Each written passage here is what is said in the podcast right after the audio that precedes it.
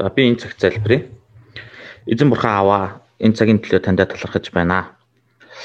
Есүс Христ итгэх итгэлээр дамжуулан биднийг аварсанд баярлалаа. Есүст итгэх итгэлээр дамжуулан бидэнд ертөнцийг ялах нандин итгэлийг дүүрэн зөвшөөрөн өгсөнд баярлалаа. Энэ цагт итгэлийн ялтын талаар сурах гэж байна. Та ариун сүнсээрээ удирдах өгөөч гэж гуйж байна. Таны үгийг сонсож байгаа хүн бүрийн зүрх сэтгэл таны үг сэлэгдэх боломжоор та хангаж өгөөч гэж гуйж байна энэ цагийг эхлэхээс дуустал та өөрийн ариун сүнс дотроо удирдах өгөөч гэж бидний цорын ганцаар өгчсөн Иесус Христийн нэрээр гуйлаа. Аа.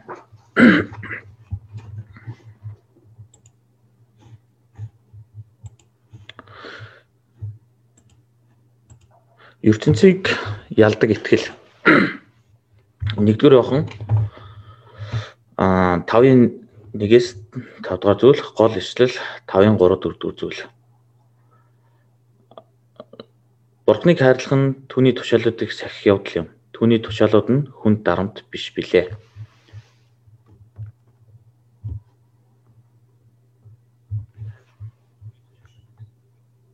Бурхнаар төрсэн бүхэн ертөнцийг ялдаг. ертөнцийг ялсан ялалт нь бидний итгэл болгоо. Хүн бүхэн нэг удаагийн энэ дэлхийн амьдралд ялалтанд хүрсэн амьдрал, ялалтын амьдралаар амьдрахыг хүн бүхэн хүсдэг. Ялагдсан амьдралаар амьдрахыг хүсдэг хүн байна уу? Хинч ялагдагч байхыг хүсдэггүй мэдээж. Хүн бүхэн ялагч, байлдан дагуулгач байхыг хүсдэг. Тиймээс бүгд ялалтын амьдралаар амьдрахын тулд бүх хүч чадлаараа хичээнгүйлэн гүн амьдрдаг. Гэвч харамсалтай нь амьдралаа дуусгасны дараа би ямарч харамсалгүй харамсахгүйгээр амжилтанд хүрсэн амьдралаар амьдралаа гэж өгүүлсэн хүн байдаггүй. Ихэнх нь дахиад амьдрах амьдралын талаар боломж надад олдвол би дахин амьдрах юм бол гэж харуулсан амьдралаа амьдралаар амьдрсан байдаг билээ. Хүмүүс өөртөө хүсээгүйч гэсэн ялагдсан амьдралаар амьдрдаг.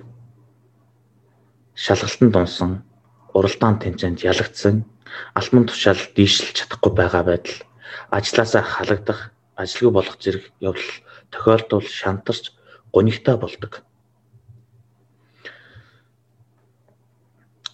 Ингэж нэг удаагийн ялагдал бидний зүрх сэтгэл сэтгэлээр унгаж байхад цорын ганц нандин амьдрал тэр чигээрээ ялагдвал хичнээн эмгэнэлтэй болох бай. Бид нэг удаагийн энэ амьдралд яавал ялалтай амьдралаар дуусгаж чадах вэ? Өнөөдрийн номлолоор манай чуулганы 2021 оны чухал зүйл болох ертөнцийг ялдаг итгэлийн талаар суралцах болно. Энэхүү ялалт нь Есүс Христэд итгэсэн хэн бүхэнд өгөгдсөн бэлэг билээ. Энэ цагт жинхэнэ ялалтын амьдрал юу вэ гэдгийг дахин шин сэтгэлээр сурахыг хүсэн гойж байна. Нэгдүгээр ишлэгийг хараараа. Есүс бол Христ мөн гэдэгт итгэдэг бүр бурхнаар төрөгч болоо. Төрөлөгчийг хайрладаг хэн боловч түүгээр төрөгчийг хайрладаг. Энэхүү итгэл нь итгэгч бид нар өөр итгэгчдийг хайрлах ёстой учир шалтгааныг заан өгч байна. Есүсийг Христ аврагч хэмээн хүлээн зөвшөөрсөн хүн бүхэн бурхнаар төрөгч буюу бурхны хүүхэд болно. Гэвч Есүст үл итгэдэг нь сатаны хүүхэд хэвээрээ байдаг. Есүсийг Христ мөн гэдэгт итгэвэл сүнсээр дахин төрөх бөгөөд сүнсний нүдтэй болно. Тиймээс сүнсний ертөнцийг харж эзэн бурхныг мэдэрч хайрлах болно. Бид махбодоор төрж бодсон өөрийн эцэг эхээ болон ах дүүгээ хайрладаг шүү дээ. Үүнтэй яг адилхан бурхнаар төрөгч нь бурхны хүүхдүүдийн хувьд Бурхныг хайрлах бөгөөд Бурхны хүүхэд болох өөр итгэгчдийг ч бас хайрлах болдог юм. Бид бусад итгэгчдийг хайрлахын автоматар болох бус. Харин Бурхны хүүхэд болсны үр дүн билээ. Өөрөөр хэлбэл Бурхнаар төрөгчин Бурхныг хайрласнараа түүний хүчээр бид өөрсдийн хүчээр хайрлаж чадахгүй ахан дүүсээ хүртэл хайрлаж чадах болдог. Ил жоохон 2 3 дугаар зүйлд Бурхныг хайрлах ба ахан дүүсээ хайрлах нь хоорондоо нэгт холбоотой гэдгийг дахин зааж байна. Нэг үгээр хэлэхэд Бурхныг хайрлах нь түүний тушаалд их сахих явдал бөгөөд энэ нь чухам Бурхны хүүхдүүдийг хайрлаж байгаа хэрэг билээ. Одоо 3-ын Б хэсгийг хараарай. Түүний тушаалууд нь хүнд дарамт биш билээ. Яагаад Бурхны тушаалууд хүнд дарамт биш болох вэ? Учир нь Есүсийн үг бидэнд жинхэнэ эрхчлөө ба амралтыг өгдөг учраас тэр юм. Матай 11:28-аас 30 дугаар ишлэлд Есүс ингэж хэлсэн. Зүдэж зүтгсэд хийгээд хүнд ачаа үүрсэн бүгдээ надад ир би та нарыг амраая. Буулгыг минь өөрс дээрээ ав. Надаас сур би дүлгэн зүрхэндээ дарав. Та нар сэтгэлдээ амралтыг олох болноо. Буулга минь аятаа ачаа минь хөнгөн гэв. Бид ямар ч ажлыг албадлахгүй албадлагаар хийвэл хүнд ачаа гэж мэдрэгддэг. Харин хэцүү боловч хайраар хийж үйлдэл үйлдэлвэл хөнгөн амархан болдог. Үүрэг болгож албадтаж ажил хийвэл дургүй хурж хийхгүй боловч хайртай хүнийхээ төлөө гэвэл хичнээн хэцүү байсан ч дуртай сэтгэлээр хийдэг. Үүний нэгэн жишээ бол Эхлэл номыг үзвэл Яков гихч Рахелийг эхнэр болгоод эхнэр болгон авахын тулд хадам аав Лабанда 7 жил зарцлагджээ. Гэвч Яков Рахелд хайртай байсан тул 7 жил нь түн хитгэн хоног мэт байсан гэж байна. Эрос хайрын хүч чадал чадал Эрос хайр нь ийм хүч чадалтай байгаа бол Бурхны юр бүсийн хайр нь үүнээс илүү хүчтэй байдаг юм. Бурхны хайр бидэнд хүч өгдөг Тиймээс дагаж мөрдөх тушаалууд нь огт хүнд дарамт биш юм. Заримдаа бидэнд Бурхны үг сэтгэлд хүнд дарамт мэт санагдах үе байдаг. Тийм тийм сэтгэл төрсөн төрсөн тэр үед Бурханаас илүү дэлхийн зүйлсийг хайрлах сэтгэл төрсөн учраас тэр юм. Энэ дэлхийн эд баялагийг Бурханаас илүү хайрлах сэтгэл төрөх эсвэл шунаг сэтгэл, тачаангуй сэтгэл гих мэд махбодын хүсэлт хүчтэй төрвөл Бурхны үг түүний тушаалууд нь хүн дарамт мэд болон санагддаг. Харин тийхүү дэлхийн зүйлсэн намайг сүнсний өвчтөй болгож аз жаргалгүй гмийн намаг руу унгах хүч гэдгийг ухаарч гимшвэл бид дахин бурхныг хайрлах сэтгэлээр дүүрэн болдог. Тэгвэл Бурхны үг бидэнд ам ба баяр хөөргийг өгдөг хайр ивэлийн тушаалууд болдог юм аа. Одоо 4-5 дахь зүйлийг хараарай. Бурханаас төрсэн бүхэн ертөнцийг ялдаг. ертөнцийг ялсан ялалт нь бидний итгэл болгоё. Есүс бол Бурхны хүү гэж итгэдэг хүнээс өөр хэн ертөнцийн ялагч байх вэ? Дэлхийг хэн дийлэх вэ? Зөвхөн Есүс бол Бурхны хүү гэдэгт итгэдэг хүн. Энэхүү ишлээс бид дараах хоёр зүйлийг сурч болно. Нэгдүгээрт ертөнцийг ялах ялалтын уг үндсэн эзэн бурханд байдаг гэдгийг сурах болно. Дээр хичлийг харуул бурхнаар зөрсөн бүхэн ертөнцийг ялдаг гэсэн. Өөрөөр хэлбэл бурхнаар төрөөгүй буюу сүнсээр дахин төрөөгүй нь хизээс ертөнцийг ялж чадахгүй гэдгийг мэдэж болно. Эндээс ертөнц гэдэг нь Бурхны эсрэг сатан чөтгөрийн захиргаанд ор байгаа дэлхийг зааж байна.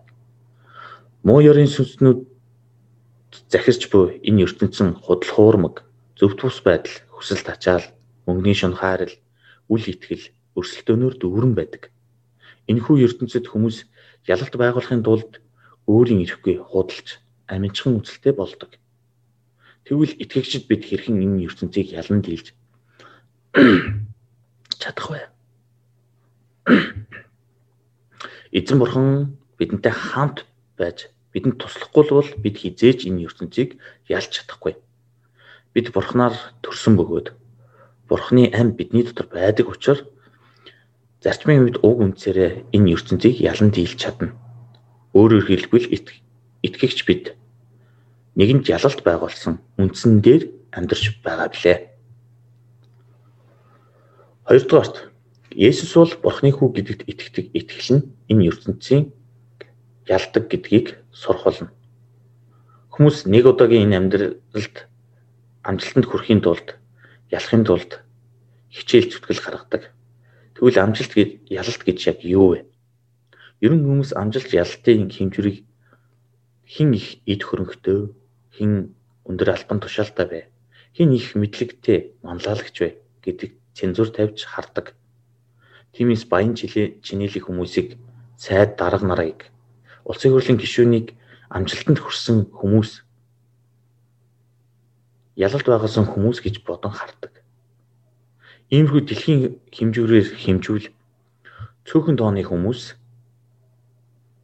ялалт байгуулсан. Бусад нь ихэнх хүмүүс нь ялагдсан учраас ихэнх хүмүүс ялагч ялагдагч сэтгэлээр амьдардаг гэлээ.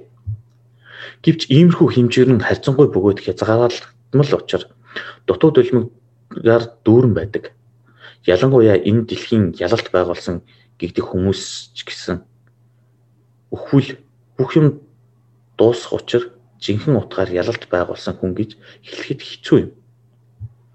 Баян чинээлэгч бай, ядууч бай, эрх мэдэлтэйч бай, зарцч бай, ноён дээдсч бай, өчүүгэн нэгэнч бай, мэрэгэн хүнч бай, тэнэг хүнч бай.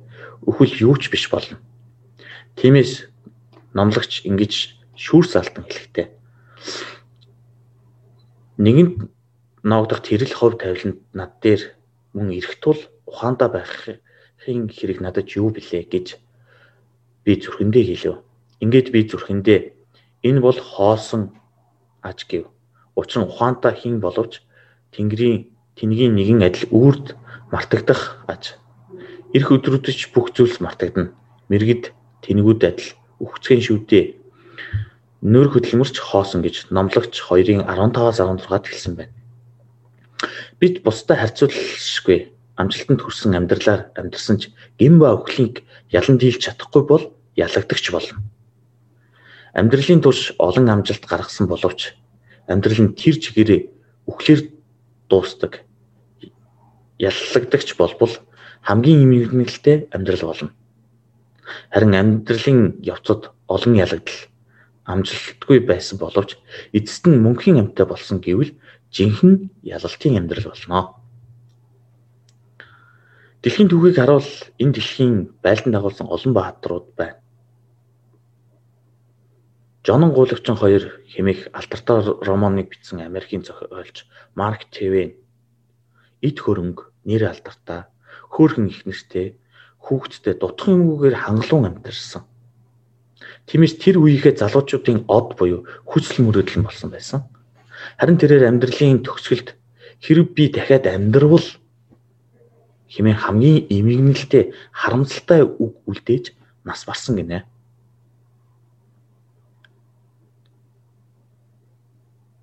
Бид харуулсаж харамсах юмгүй амьдрал жинхэнэ ялалт байгуулдаг амьдралаар амьдрья гэвэл Есүс бол Бурхны хүү Христ гэдэгт итгэдэг итгэлтэй байх ёстой. Есүс бол Бурхны хүү Христ гэдэгт итгэдэг нь гин ба өхлөөс чөлөөлөгдөж мөн хамтаа болсон учраас ялалтын амьдрал болно. Ил жоохон энэ дэлхийн энэ дэлхийн юугаарч энэ ертөнцийг ялж дийлэхгүй. Харин зөвхөн Есүс Христ итгэдэг итгэл ертөнцийг ялна гэдэгт бат итгэжээ. Тиймээс баттайгаар ингэж тунхагласан. Бурхнаар төрсөн бүхэн ертөнцийг ялцдаг. ертөнцийг ялсан ялалт нь бидний итгэл болоо. Есүс бол Бурхны хүү гэж итгэдэг хүнээс өөр хинч ертөнцийн ялагч байх вэ? Дэлхийг хэн дийлэх вэ? Зөвхөн Есүс бол Бурхны хүү гэдэгт итгэдэг хүний л ялан дийлэх болно. Есүс шав нартаа ялалтын итгэлийг суулгахын тулд Йохан 16:33-д ингэж хэлжээ. Миний дотор та нар амар амгалан байг гэж би та нарт энэ зүйлийг хэллээ. ертөнд та нар зовлонтой байна. Гэвч зөрөгтэй байх тун би ертөнцийг ялсан гэж альтлаа. Одоо хинч гэсэн Есүс Христ итгэх Есүс Христэд итгэгч нь ялалт байгуулдаг амьдралаар амьдрч чадна. Илч Паулч гэсэн Ром 8:37-д ингэж хэлсэн. Харин бид энэ бүхний дотор биднийг хайрладаг, түүгээр дамжуулан, давлан дийлдэг. Бид энэ ертөнцийг ялан дийлдэг замыг нээж өгсөн Бурхан Аавда талархаж байна. Өдөр бүр цаг ямагт Есүс бол Бурхны хүү, миний аврагч хэмээн зүрх сэтгэлтэй хүлээн зөвшөөрч түүнд итгэдэг итгэлээр ялалтын амьдралаар амьдарч чадахыг хүсэн гуйж байна. Ялалтын амьдрал нь энэ дэлхийн өгдөг төр зүрийн материалын хангамжаар эрх мэдэл, нэр алдар, авьяас чадвар, сайн зан чанараар тодорхойлогдохгүй юм. Жинхэнэ ялалт нь бидний махан биед хамааралгүй харин сүнсний биед хамааралтай. 90.11-р бүлгийг харах юм бол зарим итгэгчид нь доромжлуулалт нь зовж, ташуурдуулж, гинжлэгдэж, шоронд хоригдсон. Тэд ядуу тарчихсан бүр зарим нь алагдсан. Гэхдээ тэд хизээж буулт хийж өгөөгүй байв.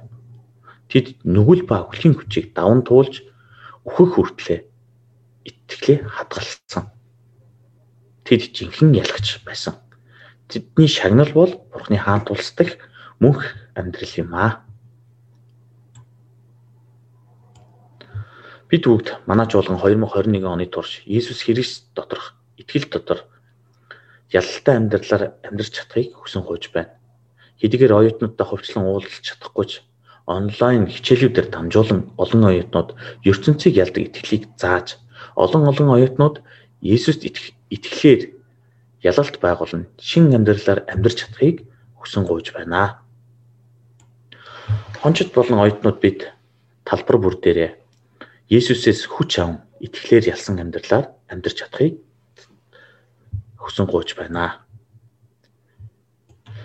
Миний хувьд энэхүү номлол бэлтгэх хугацаанд өөрөөсөө хэрхэн ертөнцийг ялдаг итгэлээр амьдрч байна вэ гэдгийг эргэн харах эвэлтэй цаг байлаа. Ялалтын араас эрен хайж амьдрч байгаач энэ л дэлхийн хүмүүсийн хүсдэг манлайл чадвартай байх хэрхэн амжилттай байх зэрэг зүйлийн хойноос хүн амьдарч байна. Есүс Христ итгэдэгч өөрийн байгаа байдлаа энэ ертөнцийн цэнзураар харан ялагдлын сэтгэлээр амьдарч байгааг ухаарна гэмшиж байна. Есүс Христэд итгэх итгэлээр л энэ ертөнцийг ялсан ялалт нь надад бэлэг болон өгцөн гэдгийг ухаарлаа. Тиймээс ялагдсан биш. Ялсан хүний байр сууриа амьдрах хэрэгтэйг сурлаа. Ялалт бол итгэл юм ялалтан хожим би хүсэн ч мөнхийн улсын эрхэм болох юм аа. Бид өдөр бүр ялалтаар амьдрах хэрэгтэй. Ялалт нь нэг удаа ялаад зогсчихдаг итгэл байж болохгүй. Энэ цагт хүн бүр өөр өөрийн ялагддаг талбараа олж харан өөрийн хүчээр тэмцэх биш. Есүстэй хамт түүний хүч чадалд итгэж найдан ялалт байгуулахыг уриалж байна. Ялсан хүн гим нүглээ гимшдэг. Аврагч Иесуст итгэдэг. Гимтээ эвлэрдэггүй. Гэрэл дотор алхахыг хичээдэг. Нэгэнт гимсэн гимээ дахин хийхгүй байхыг хичээдэг. Бурхны тушаалыг сахин түүний тушаалын дагуу амьдардаг. Итгэлийн үйлдэлүүдийг гаргадаг билээ. Тиймээс Есүс итгэх итгэлээр хяналт байгуулан амьдарцгаа хэмээн уриалж байна. Дүгнэлт Энэ хүн цаг үед ковид-19 их хүнд сорилт, хүн төрлөختний өмнө давж гаршгүй саад бэрхшээл болж байна. Олон хүн шантарч, ялагдаж, цөхөрж байна. Гэхдээ хамгийн том ялагдал бол аврагчийг өөрийн амьдралдаа урьж оруулахгүй, түүнийг хүлээн авахгүй. Есүс Христ итгэхгүй байгаа байдал нь ялагдал юм. Ганц л амьдрах амьдралдаа ертөнцийг яаж ялалтайгаар дуусгах вэ? Зөвхөн Есүс бол Бурхны хүү гэдэгт итгэдэг хүн л ялалтаагаар дуусгаж чадна. Есүс Христ загалмаа дээр ялалт байгуулсан тул бид түүнтэй хамт байснараа ялалтын амьдралаар амьдарч чадах юм аа. Амен. За би энэ цагт залбирая. Харин илгээд мөнх амар дүүрэн бурхан аваа. Бидэнтэй хамт байгаад баярлалаа. Аа нэгдүгээр явах номоор дамжуулан ертөнцийг ялсан итгэлийг бидэнд зааж өгсөнд баярлалаа эзэн Есүстэй хамт байснараа бид ертөнцийг хялдаг итгэлээр амьдрч чадхад туслаач. Аа мөнхийн улсад хүсэл найдвар тавьснараа бид нэр ялалтын амьдралаар амьдрах боломжоор таангаж өгч гэж гуйж байна. Бүх зүйлийг тань даатхан бидний цорын заврагчсан Есүс Христийн нэрээр хуйлаа. Амен. Баярлалаа.